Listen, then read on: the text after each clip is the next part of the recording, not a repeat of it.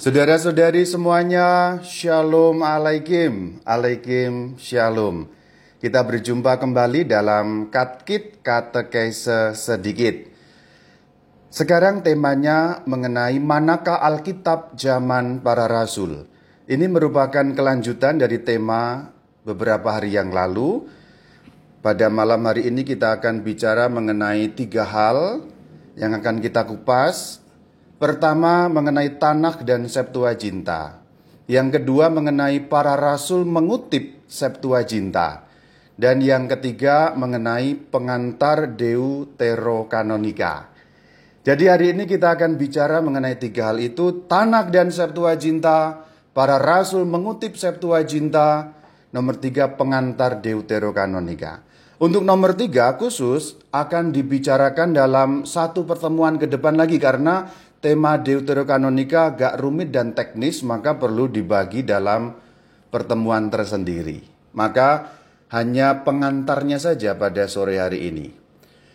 Langsung masuk yang pertama Tanakh dan Septuaginta. Apa itu Tanakh? Apa itu Septuaginta? Sudah dijelaskan panjang lebar dalam pertemuan yang terdahulu. Namun akan diulangi juga sekilas pada pertemuan yang sekarang ini.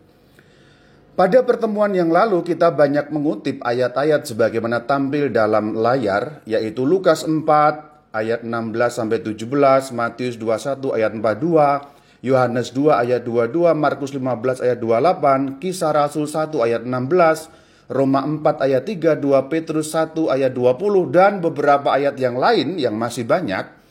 Kesimpulan dari kutipan-kutipan itu adalah pada zaman Tuhan Yesus Kristus dan para rasul sudah ada Alkitab. Jadi perhatikan kalimat pertama. Zaman Tuhan Yesus Kristus dan para rasul sudah ada Alkitab, tetapi jangan lupa kata tetapi. Tetapi belum selengkap Alkitab kita sekarang atau belum persis seperti Alkitab kita sekarang. Jangan lupa kalimat yang kedua ya. Jadi jangan hanya diingat kalimat pertama, oh sudah ada Alkitab persis sama. Nah salah. Sudah ada Alkitab tetapi belum selengkap Alkitab kita sekarang. Sudah ada Alkitab tetapi belum persis seperti Alkitab yang kita miliki sekarang. Zaman Tuhan Yesus dan para rasul barulah ada perjanjian lama saja. Perjanjian baru ke mana Rama? Perjanjian baru belum ada. Belum jadi sebab sedang dalam proses ditulis. Ada yang sudah ditulis, ada yang belum. Bahkan sebagian besar malah belum ditulis karena perjanjian baru ditulis baru beberapa tahun setelah baginda Yesus naik ke surga. Misalnya surat-surat Paulus baru tahun 50-an. Injil-injil yang pertama baru tahun 60 atau 70. Kira-kira 20-an tahun setelah baginda Yesus naik ke surga, barulah perjanjian baru mulai ditulis. Perhatikan kata mulai, berarti belum selesai, sedang dalam proses. Maka pada zaman para rasul yang sudah ada lengkap adalah perjanjian lama. Namun saudara-saudari kita perlu tahu ilmunya bahwa Alkitab perjanjian lama pada zaman para rasul itu ada dua versi. Versi yang pertama perjanjian lama Ibrani yang nantinya diberi nama Tanakh. Versi yang kedua perjanjian lama Yunani yang nantinya diberi nama Septuaginta, ditulisnya LXX. LXX itu dibaca Septuaginta. Septuaginta artinya 70. Karena apa? Karena kumpulan kitab itu dulunya diterjemahkan oleh 70 orang atau 72 orang menurut suatu cerita dalam surat yang bernama suratnya Aristeas. Maka sampai di sini pengetahuannya tambah lagi. Zaman para rasul sudah ada Alkitab, baru perjanjian lama saja. Perjanjian lamanya dua versi.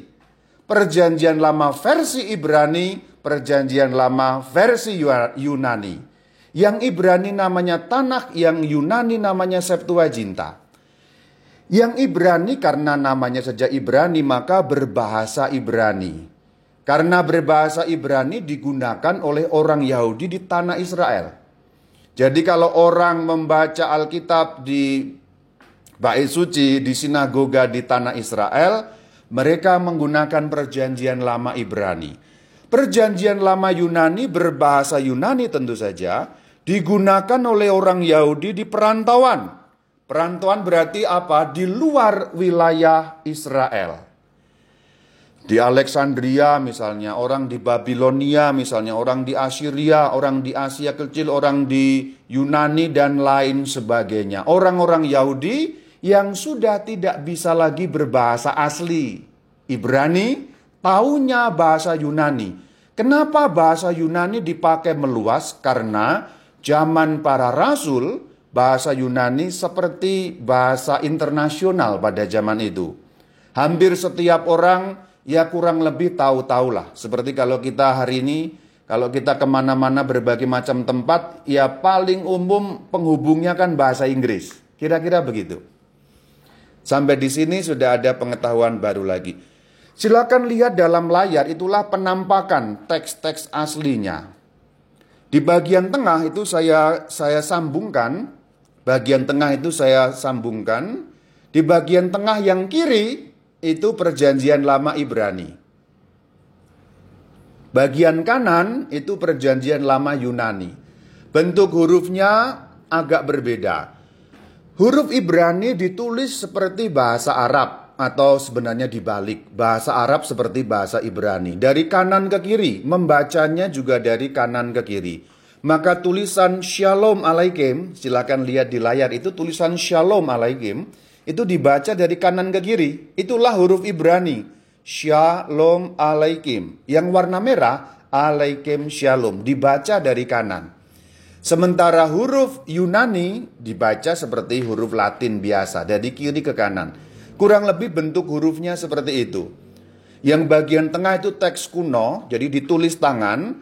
Yang bagian samping-samping itu teks modern, jadi dicetak menggunakan mesin cetak supaya kita juga lihat teks aslinya seperti apa.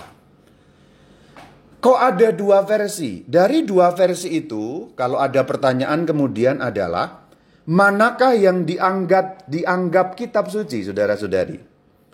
Apakah perjanjian lama Ibrani dianggap kitab suci atau perjanjian lama Yunani yang dianggap kitab suci atau dua-duanya? Ternyata oleh umat Yahudi pada masa itu, zamannya para rasul, perjanjian Yunani, perjanjian lama Yunani dan perjanjian lama Ibrani dianggap semuanya memiliki wibawa yang sama Berarti dua-duanya dinilai sebagai sama-sama kitab suci Yahudi. Jadi kalau ditanya mana yang asli yang kitab suci ya dua-duanya asli. Meskipun yang Yunani merupakan terjemahan dari yang Ibrani. Jadi yang Ibrani ada lebih dulu. Yang Ibrani ada lebih dulu mungkin dikumpulkan kira-kira tahun 400-an sebelum Tuhan Yesus sudah terkumpul semua yang perjanjian lama Ibrani jadi 400 tahun sebelum Tuhan Yesus kira-kira sudah terkumpul semua dalam bahasa Ibrani. Kemudian diterjemahkan di dalam bahasa Yunani kurang lebih 200 tahun sebelum Tuhan Yesus atau selesai kira-kira 100 tahun sebelum Tuhan Yesus. Jadi sebelum Tuhan Yesus dua-duanya sudah ada, persis seperti adanya. Jadi tidak ada urusan dengan orang-orang Kristen. Maksudnya memang karena perjanjian lama baik yang Yunani maupun yang Ibrani ini kan Alkitabnya agama Yahudi. Jadi sudah ada jauh sebelum Tuhan Yesus lahir. Maksudnya ketika baginda Yesus lahir dan para rasul lahir ya sudah ada dua-duanya dalam bentuk seperti itu. Para rasul tinggal menerima, Tuhan Yesus tinggal menerima seperti yang sudah ada dari abad-abad sebelumnya. Kembali ke persoalan kitab suci, dua-duanya dinilai sebagai sama-sama kitab suci Yahudi. Jadi tidak ada yang palsu, tidak ada yang KW. Kira-kira begitulah. Wah itu KW enggak? Meskipun berbahasa Yunani tetap dianggap itu punya nilai yang tinggi.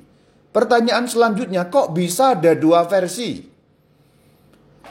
Kenapa tidak disamakan? Kenapa tidak satu versi? Persoalannya adalah sampai tahun 90-an Masehi 90-an Masehi berarti setelah agama Kristen muncul. Agama Kristen muncul kan tahun 30-an.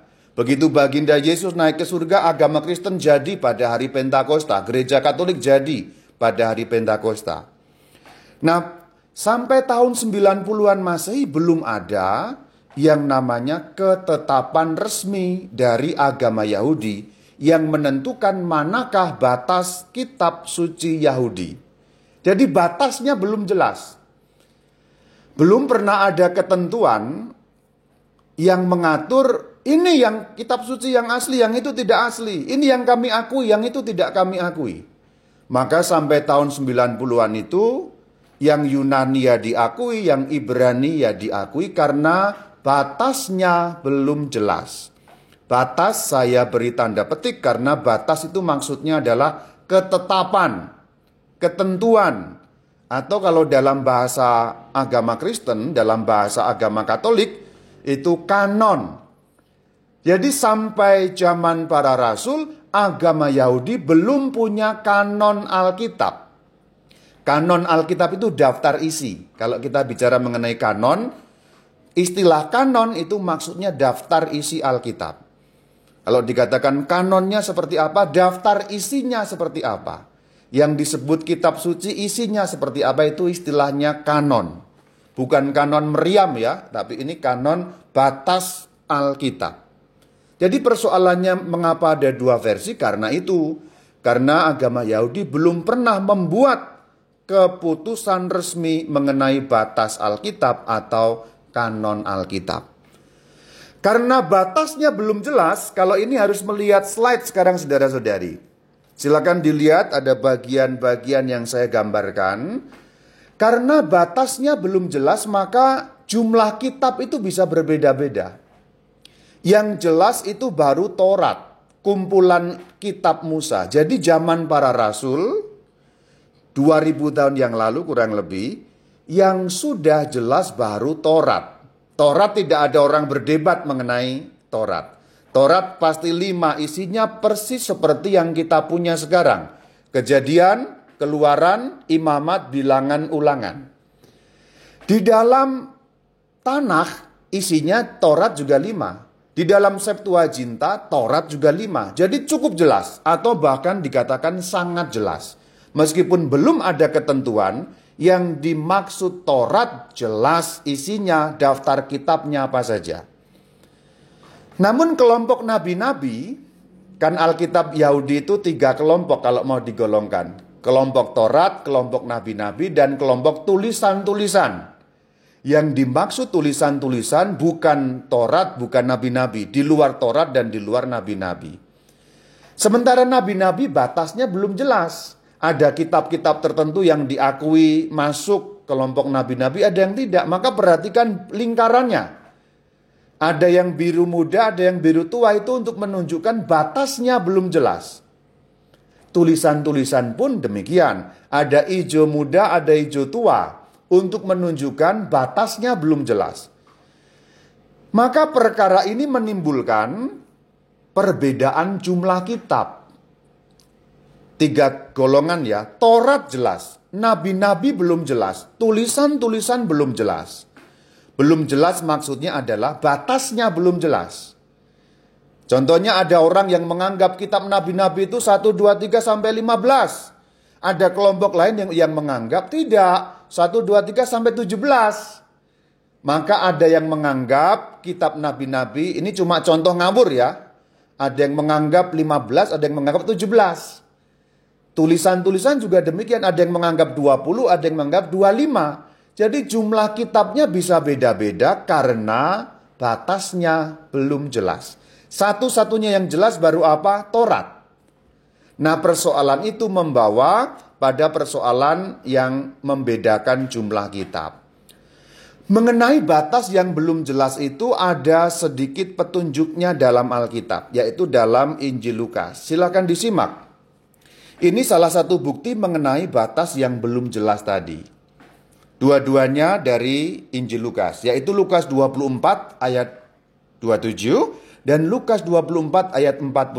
Silakan dilihat di dalam slide yang Anda lihat. Lukas 24 ayat 27. Lalu ia, Yesus, menjelaskan kepada mereka, dua murid, apa yang tertulis tentang dia di dalam seluruh kitab suci mulai dari kitab-kitab Musa dan segala kitab nabi-nabi. Jadi ini baru disebut dua golongan. Kitab Musa maksudnya Taurat dan kitab nabi-nabi. Silakan sekarang lihat ayat 44. Daftarnya beda. Dilihat dulu ayat 27. Kitab Musa berarti Taurat dan nabi-nabi ada dua kelompok. Sekarang ayat 44. Ia, Yesus, berkata kepada mereka murid-muridnya, harus digenapi semua yang ada tertulis tentang aku dalam kitab Taurat Musa dan kitab nabi-nabi dan kitab Mazmur. Ayat 27 memuat hanya dua. Ayat 44 memuat tiga. Kok bisa beda? Karena memang batasnya belum jelas. Seperti yang sudah saya ceritakan. Yang jelas baru Taurat, maka Taurat selalu disebut nabi-nabi masih tidak jelas. Begitu juga tulisan-tulisan juga belum jelas. Ini bukan satu-satunya bukti.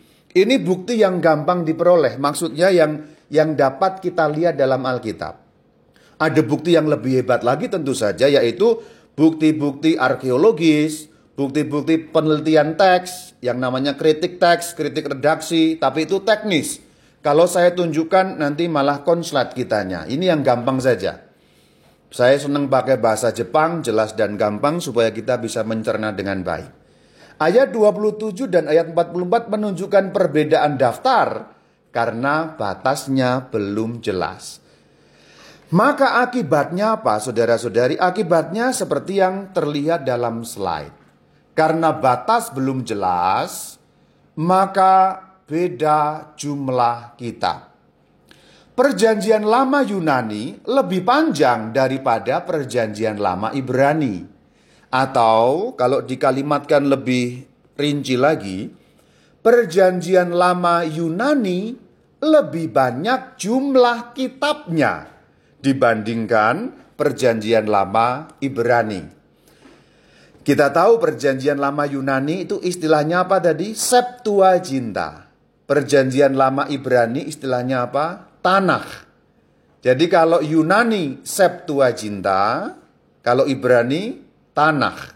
Yunani Septuaginta, Ibrani tanah. Silakan diulang-ulang. Yunani Septuaginta, Ibrani tanah.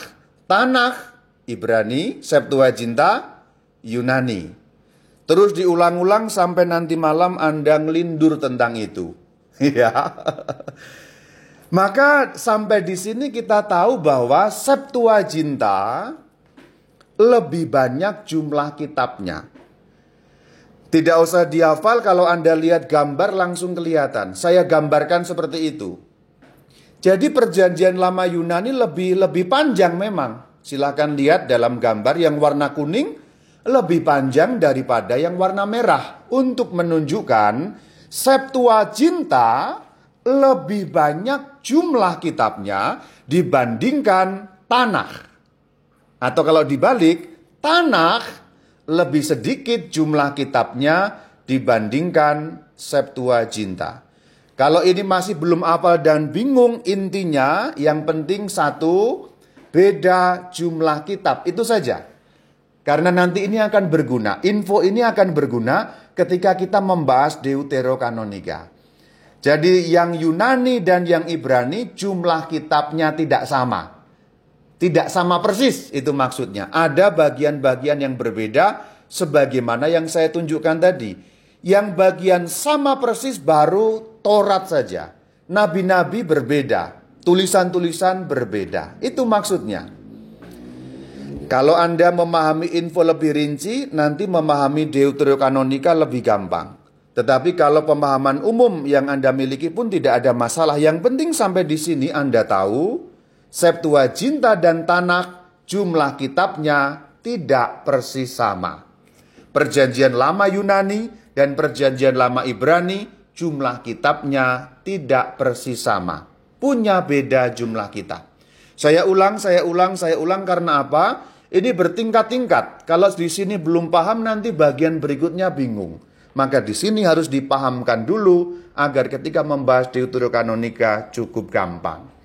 Silakan dilihat dulu bagian ini dihafal-hafalkan, disimak gambarnya diperhatikan ya. Ibrani Yunani, Yunani lebih panjang, Ibrani Yunani, Yunani lebih panjang, Ibrani Yunani, Yunani lebih panjang, Ibrani Yunani, Yunani lebih panjang. Tanak Septuaginta, Septuaginta lebih panjang. Tanak Septuaginta, Septuaginta lebih panjang. Septuaginta Tanak, Septuaginta lebih panjang. Sampai di situ infonya. Nah inilah daftarnya saudara-saudari. Bagian pertama daftar perjanjian lama Ibrani 24 kitab. Bagian kedua perjanjian lama Yunani 35 kitab. Namun saya berpesan jangan terjebak pada jumlah kitab. Jadi kita tidak boleh terjebak pada jumlah kitab karena apa? Jumlah kitab itu tidak pasti tidak pasti maksudnya, tergantung cara menghitungnya. Jadi kalau berbicara mengenai jumlah kitab harus hati-hati dan jangan terjebak mendebatkan mengenai jumlah kitab. Karena jumlah kitab itu tidak pasti bergantung pada cara menghitungnya. Cara menghitung kitab itu sangat berpengaruh pada jumlah. Nanti kita akan lihat maksud dari perkataan saya seperti apa. Ini perbandingannya ya, tulisannya kecil-kecil tapi nanti saya perlihatkan yang besar. Sebelah kiri perjanjian lama Ibrani dengan warna biru, sebelah kanan perjanjian lama Yunani dengan warna coklat. Sudah jelas lebih panjang, 24 dan 35. Tapi jumlah sekali lagi tidak mutlak. Karena sangat bergantung pada cara menghitungnya. Jumlah yang saya pakai adalah jumlah yang lebih umum. Kalau kita ngomong perjanjian lama Ibrani, umumnya 24. Tapi ada pula yang menghitung 16. Bukan berarti isinya beda, hanya cara menghitungnya saja. Yang umum 24. Silakan perhatikan, ada tiga bagian. Umumnya perjanjian lama Ibrani dibagi menjadi tiga bagian besar yang disebut namanya Hatorah, Haneviim, dan Haketubim. Torah itu kitab-kitab Torat yang lima kitab. Neviim, Nevi, Nabi. Kemudian Ketubim itu tulisan-tulisan. Itulah kenapa namanya Tanah. Tanah itu singkatan Torah, Nabi, Ketubim. TNK disambung Tanah. Jadi namanya tanah karena tiga bagian besar. Torah, Nabi, Ketubim. Torah, Nevi'im, Ketubim, Torat, Nabi-Nabi, tulisan-tulisan. Perhatikan bagian Torah atau Torat. Lima. Kejadian keluaran imamat bilangan dan ulangan. Sekarang perhatikan bagian nabi-nabi. Bagian nabi-nabi dibagi dua besar, yaitu nabi-nabi awal atau nabi-nabi terdahulu dan nabi-nabi kemudian. Nabi-nabi awal atau nabi-nabi terdahulu, Yosua, hakim-hakim, Samuel, dan raja-raja. Perhatikan bahwa kitab Samuel dihitung satu kitab. Dalam Alkitab kita sekarang, kitab Samuel dan raja-raja itu dihitung dua-dua ya satu Samuel, dua Samuel, satu raja-raja, dua raja-raja. Tetapi dalam perjanjian lama Ibrani dihitung sebagai satu kitab. Itulah yang saya maksudkan jangan terjebak dengan angka jumlah hitungan. Karena cara menghitung itu bisa menentukan jumlahnya. Ini bukan berarti isinya beda loh ya. Perhatikan nomor 8 dan 9. Nomor 8 dan 9, nomor 8 kitab Samuel, nomor 9, nomor 9 kitab Raja-Raja, itu memuat 1 dan 2 Samuel, 1 dan 2 Raja-Raja, maksudnya begitu. Bukan berarti hanya satu Samuel dan satu Raja-Raja, tetapi 1 dan 2 Samuel diringkas satu Samuel saja. Jadi dua kitab disambung. Raja-raja juga demikian. Kemudian nabi-nabi kemudian Yesaya, Yeremia, Yehezkiel, dan 12 nabi. Perhatikan nomor 13 yang namanya 12 nabi. Di dalam Alkitab kita sekarang, kelompok 12 nabi dihitung 12. Karena masing-masing nabi dipisah-pisah. Sementara dalam kitab Tanakh, 12 nabi dianggap satu kitab. Jadi disambung semuanya dianggap satu kitab dengan nama kitab 12 nabi. Hosea, Yoel, Amos, Obaja dan sebagainya nabi-nabi yang kitab-kitabnya tipis itu loh. Jadi sekali lagi saya katakan jangan terjebak jumlah kitab karena cara menghitung sangat berpengaruh. Sekarang Ketuvim, Mazmur, Ayub, Amsal. Lalu ada lima gulungan yang bernama Rut, Kidung Agung, Pengkhotbah atau Kohelet, Ratapan, dan Esther. Disambung tiga bagian terakhir, Daniel, Esra, Nehemia, dan Tawali. Perhatikan nomor 23 sekarang. Dalam nomor 23, kitab Esra dan Nehemia dihitung sebagai satu kitab. Nah itu, nomor 23 ya. Esra dan Nehemia dihitung sebagai satu kitab. Dalam Alkitab kita sekarang, Esra dan Nehemia dihitung dua kitab karena terpisah. Kitab Esra sendiri, kitab Nehemia sendiri. Sekali lagi ini membuktikan bahwa jangan terjebak pada jumlah karena jumlah bisa mengecoh, sangat tergantung cara menghitungnya. Perjanjian lama Ibrani alias Tanakh selesai. 24 kitab jumlah yang umum. Pembagiannya seperti itu. Sekarang kita masuk ke perjanjian lama Yunani atau Septuaginta.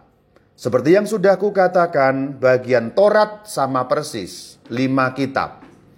Hanya cara membaginya berbeda. Kalau Ibrani tadi dibagi tiga golongan, yang Yunani dibagi empat golongan. Pada umumnya seperti itu. Torat, sejarah, puisi, dan nabi-nabi. Kalau yang Ibrani tadi kan Torah, nabi-nabi, dan tulisan. Cara membaginya begitu. Cara menggolongkannya maksudnya. Ini hanya cara memahami golongan-golongan kebiasaan yang Septuaginta membagi menurut empat golongan. Golongan Torat, golongan sejarah, golongan puisi, dan nabi-nabi.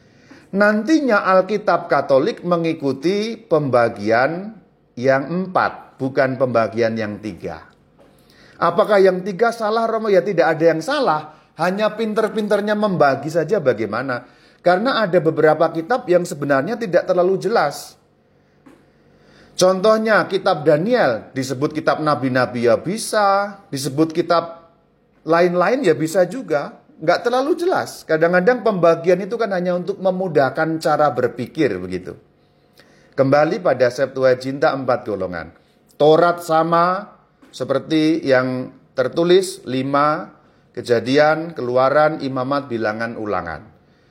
Kemudian kitab sejarah. Yosua hakim-hakim Rut Lalu kitab kerajaan. Perhatikan nomor 9. Ini lebih hebat lagi. Empat kitab dijadikan satu.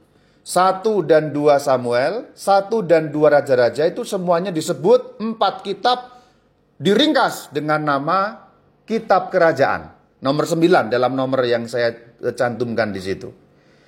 Jadi tidak ada kitab Samuel dalam arti sebagai nama ya. Kitab Samuelnya ada, tetapi tidak dinamai kitab Samuel. Itu disambung langsung dengan nama kitab kerajaan. Satu dua Samuel, satu dua Raja-Raja disambung dengan nama kitab kerajaan. Lalu Tawarih, lalu namanya kitab Ezra atau Esdras. Esdras 1 dan Esdras 2. Nah, Esdras 2 itu sebenarnya kitab Esra Nehemia. Jadi kitab Esdras 2 itu namanya kitab Esra Nehemia. Lalu Esther plus Yudit, Tobit, Makabe ada empat kitab yang terpisah. Makabe 1, Makabe 2, Makabe 3, dan Makabe 4. Sekarang saya minta Anda mengarahkan pandangan pada nomor 13. Ini agak teknis, tetapi nanti penting untuk memahami Deuterokanonika. Perhatikan nomor 13 dalam kolom kitab sejarah. Fokus, fokus, fokus. Jangan tatap mata saya, tatap nomor 13. Esther plus. Maksudnya apa Romo kok Esther plus? Plus di situ maksudnya panjangnya kitab berbeda. Sekarang kembali ke Ibrani tadi. Esther nomor 21. Golongan paling kanan Ketuvim. Perhatikan lihat Esther nomor 21. Sementara di, di Yunani nomor 13. Esther plus menunjukkan kitab Esther berbahasa Yunani lebih panjang dibandingkan kitab Esther berbahasa Ibrani. Selamat datang dan selamat pusing sampai di sini. kitab Esther berbahasa Yunani lebih panjang daripada kitab Esther berbahasa Ibrani. Atau pelan-pelan saya akan pelan-pelan.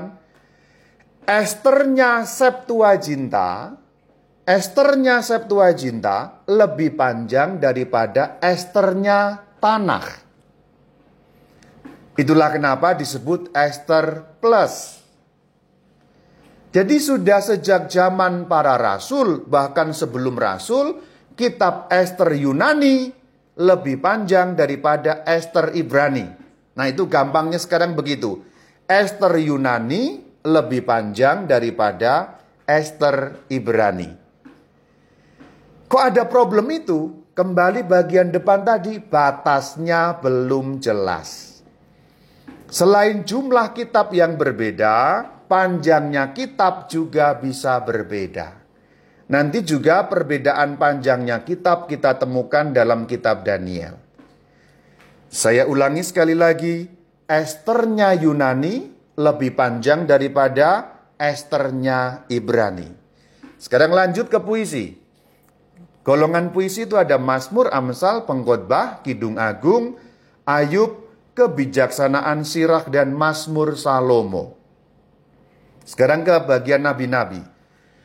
Bagian nabi-nabi pun dihitung yang nabi-nabi 12 itu dihitung satu kitab, 12 nabi dengan daftar yang berbeda.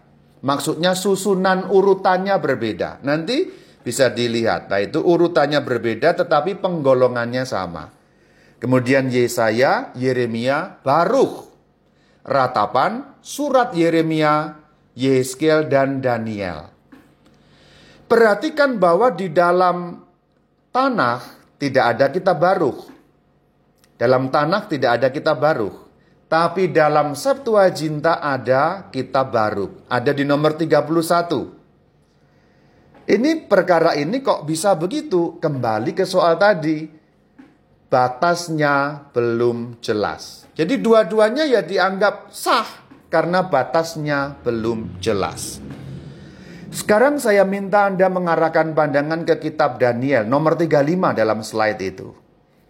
Daniel dalam Yunani atau dalam Septuaginta juga disebut Daniel plus. Karena apa? Karena ada Daniel bab 13 dan Daniel bab 14 yang saya beri warna biru. Daniel dalam Ibrani atau Danielnya Tanah, Danielnya Ibrani hanya sampai pada bab 12. Sementara Danielnya Yunani sampai bab 14. Karena ada kisah namanya Susana dan kisah mengenai Bel dan Naga. Kisah Susana ada di bab 13, kisah Naga dan Bel ada di bab 14. Tapi ini Susana bukan Susana Nyi Blorong itu ya, ini Susana. bukan Susana pemain film ya. Kisah Susana nanti Anda bisa lihat sendiri. Maka seperti Esther tadi, Danielnya Yunani lebih panjang daripada Danielnya Ibrani. Atau Danielnya Septuaginta lebih panjang daripada Danielnya Tanah. Mengapa? Pertanyaannya mengapa? Jawabannya sama, batasnya belum jelas. Jadi dua-duanya sah. Karena memang belum ada ketentuan yang mengatur mana pada zaman para rasul oleh agama Yahudi belum ditetapkan. Sekali lagi kita harus ingat bahwa perjanjian lama itu Alkitabnya orang Yahudi. Belum ada hubungan langsung dengan orang Kristen karena sebelum zaman Tuhan Yesus mereka sudah menggunakan dua versi itu tidak ada yang mempertanyakan dua-duanya sah sebagai Alkitab. Bagian ini agak teknis memang dan membutuhkan konsentrasi sedikit ya agak agak fokus begitu. Saya satukan supaya Anda bisa melihat meskipun kecil-kecil. Silakan sambil melihat-lihat perjanjian lama Ibrani sebelah kiri, perjanjian lama Yunani sebelah kanan. Tanah dan Septuaginta dijejerkan begitu. Warna biru yang saya cantumkan dalam perjanjian lama Yunani itu menunjukkan kitab-kitab yang berbeda, saudara. Contohnya warna biru kitab Sirah itu tidak ada di Ibrani. Kitab Baruch tidak ada di Ibrani. Supaya Anda gampang menemukannya. Kitab Yudit tidak ada di Ibrani. Kitab Tobit tidak ada di Ibrani. Jadi persoalan tadi ini diselesaikan dengan cerita di sini. Perjanjian lama Yunani lebih banyak kitabnya dibandingkan perjanjian lama Ibrani. Ambil nafas dulu karena bagian ini teknis dan sering kali membutuhkan pemikiran yang agak fokus. Oke, bagian pertama selesai mengenai judul Tanah dan Septuaginta. Bagian ini saya ingatkan penting dipahami untuk memahami nanti persoalan Deuterokanonika. Nomor dua, para rasul mengutip Septuaginta. Saya mau menjelaskan saudara-saudari, meskipun ada dua versi Alkitab, yaitu Ibrani dan Yunani atau Tanah dan Septuaginta, nantinya ketika para rasul mulai menulis perjanjian baru, menulis Injil, menulis surat-surat, mereka tidak mengutip dalam bahasa Ibrani, tapi mereka mengutip bahasa Yunani. Artinya, kalau para rasul mengutip Perjanjian Lama, mereka mengutip Perjanjian Lama Yunani alias Septuaginta. Berarti Alkitab yang digunakan oleh para rasul adalah Septuaginta. Alkitab yang dipakai oleh para rasul adalah Alkitab yang Yunani. Buktinya mana Romo? Penelitian sejarah. Sangat teknis, yaitu mengenai penelitian bahasa, mengenai filologi, kritik redaksi, tetapi saya tidak akan masuk ke yang teknis begitu karena membuat kita konslet. Saya pakai bahasa Jepang jelas dan gampang. Silakan lihat. Kalau kita lihat dalam kutipan-kutipan perjanjian baru, ayat-ayat yang dikutip itu bunyinya berbeda. Sekarang perhatikan dalam layar ada kitab Yesaya 7 ayat 14 dan Injil Matius 1:23. Pada saat menulis Injil Matius, ada kutipan dari perjanjian lama yaitu Yesaya 7 ayat 14. Saya bacakan Matius 1:23. Sesungguhnya anak darah itu akan mengandung dan melahirkan seorang anak laki-laki dan mereka akan menamakan dia Immanuel yang berarti Allah menyertai kita. Itu kutipan saudara, yang dalam tanda petik itu kutipan. Kutipan dari kitab Yesaya 7 ayat 14. Tetapi kalau kita perhatikan, kutipannya tidak persis sama.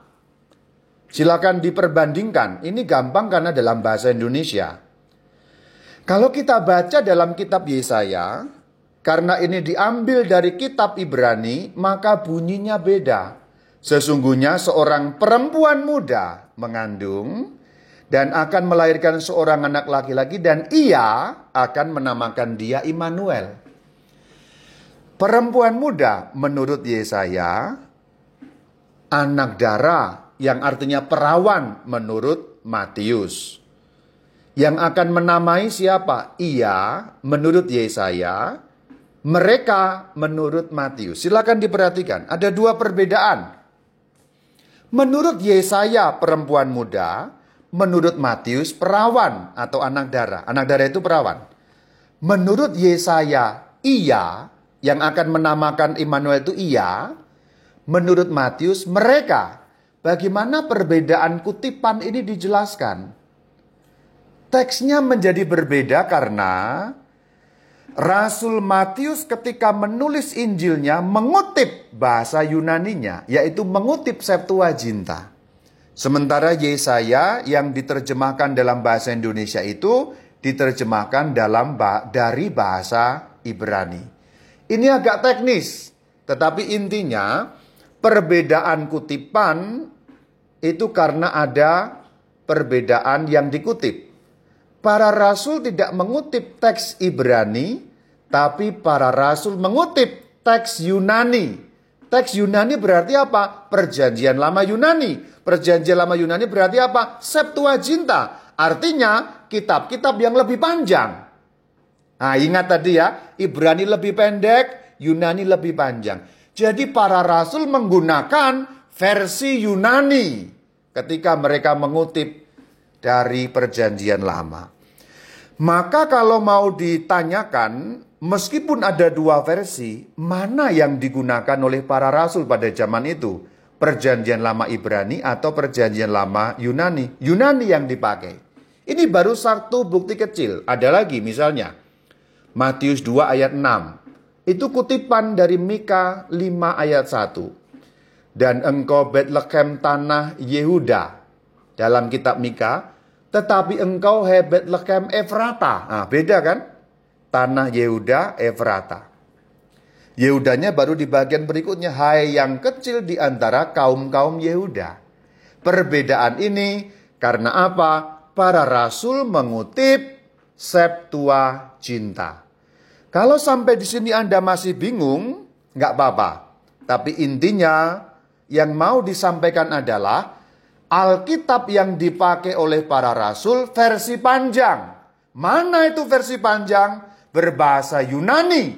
Yang berbahasa Yunani itu namanya apa? Septuaginta.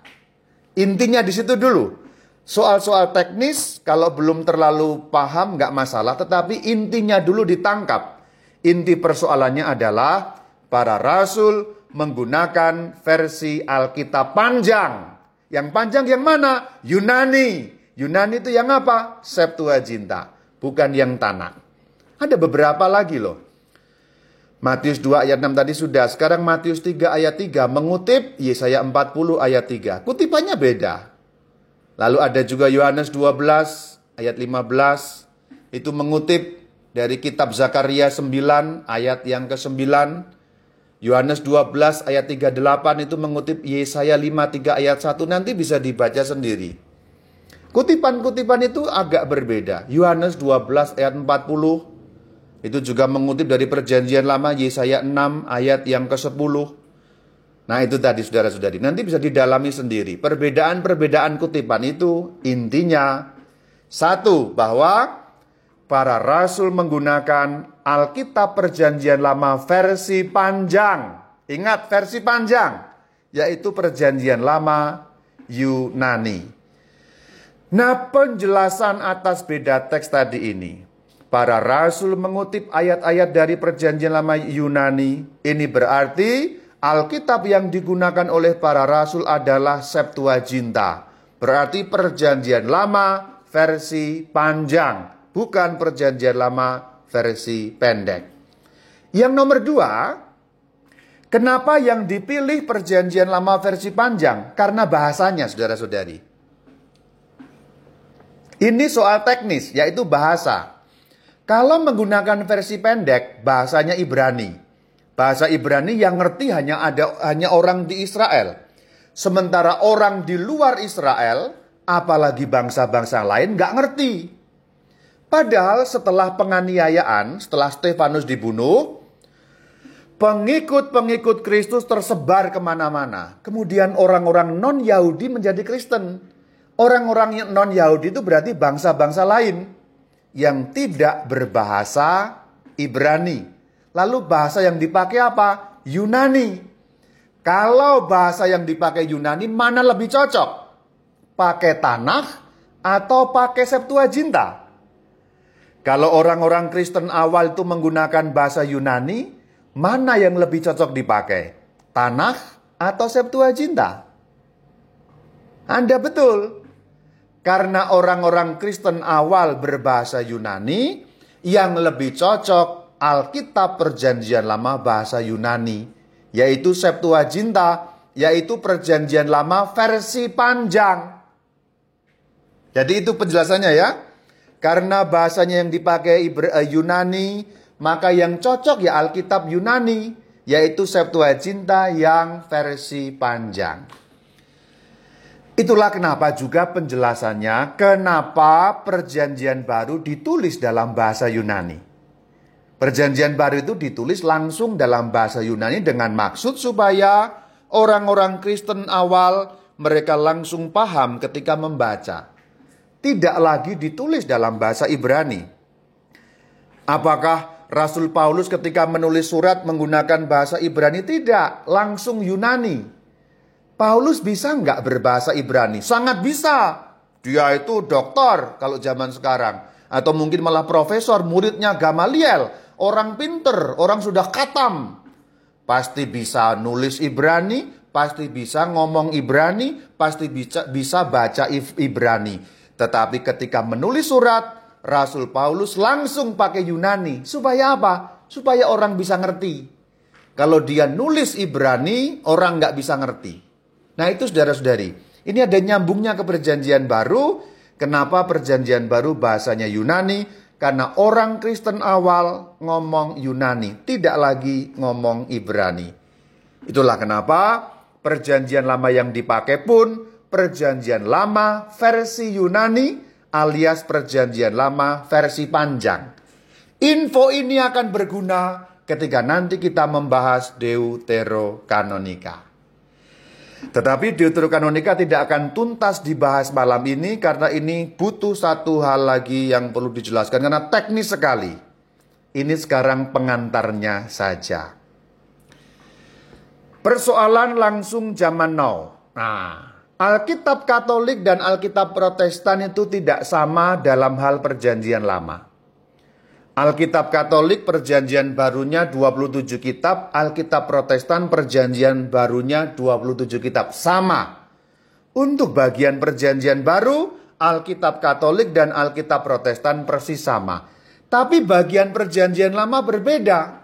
Alkitab Katolik 45 kitab, bisa 46, bisa 47 tergantung cara menghitungnya, bukan karena jumlahnya beda-beda tapi cara menghitungnya beda. Sementara Alkitab Protestan 39 kitab. Jumlahnya berbeda. Alkitab Katolik lebih panjang daripada Alkitab Protestan. Karena perjanjian lama Katolik lebih panjang daripada perjanjian lama Protestan. Perjanjian lama Protestan lebih tipis dibandingkan perjanjian lama Katolik. Bedanya di mana?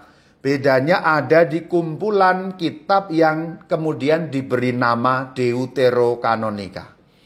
Deuterokanonika itu istilah untuk memberi nama perbedaan tadi itu. Itu istilah yang datang belakangan. Bukan dari zaman para rasul. Itu istilah yang muncul sudah abad-abad setelah tahun 1000. Saya persisnya lupa, tapi itu yang ngomong Sixtus dari Siena kalau tidak salah abad abad 12 atau 13. Nanti saya cek lagi infonya. Jadi itu belakangan baru muncul istilah Deuterokanonika. Penjelasannya bagaimana? Akarnya dari sini. Kita ingat tadi, perjanjian lama Yunani lebih panjang daripada perjanjian lama Ibrani. Jadi persoalan Deuterokanonika yang menyebabkan perbedaan Alkitab Katolik dan Alkitab Protestan akarnya jauh ke zaman para rasul bahkan sebelum zaman rasul. Akarnya mundur ke 2000 tahun yang lalu karena ada perbedaan panjang Alkitab Perjanjian Lama Ibrani dan Alkitab Perjanjian Lama Yunani. Alkitab Perjanjian Lama Yunani yang lebih panjang itu menjadikan persoalan Deuterokanonika muncul pada zaman now. Pertanyaannya adalah siapa mengurangi, siapa menambah? Apakah Protestan yang mengurangi atau Katolik yang menambah? Secara kesejarahan yang lebih tepat adalah Protestan mengurangi isi Alkitab. Gereja Katolik tidak pernah menambah apa pun karena Katolik ada lebih dulu, kemudian diprotes oleh Luther. Luther mengurangi, membuang beberapa kitab, dan akhirnya seperti itulah Alkitab Protestan. Tetapi sampai di sini obrolan kita selesai karena persoalan Deuterokanonika dibahas pada pertemuan selanjutnya. Saya berhenti sampai di sini Dan pembahasan malam hari ini, manakah Alkitab para Rasul? Kurang lebih sudah jelas. Shalom alaikum. Alaikum shalom.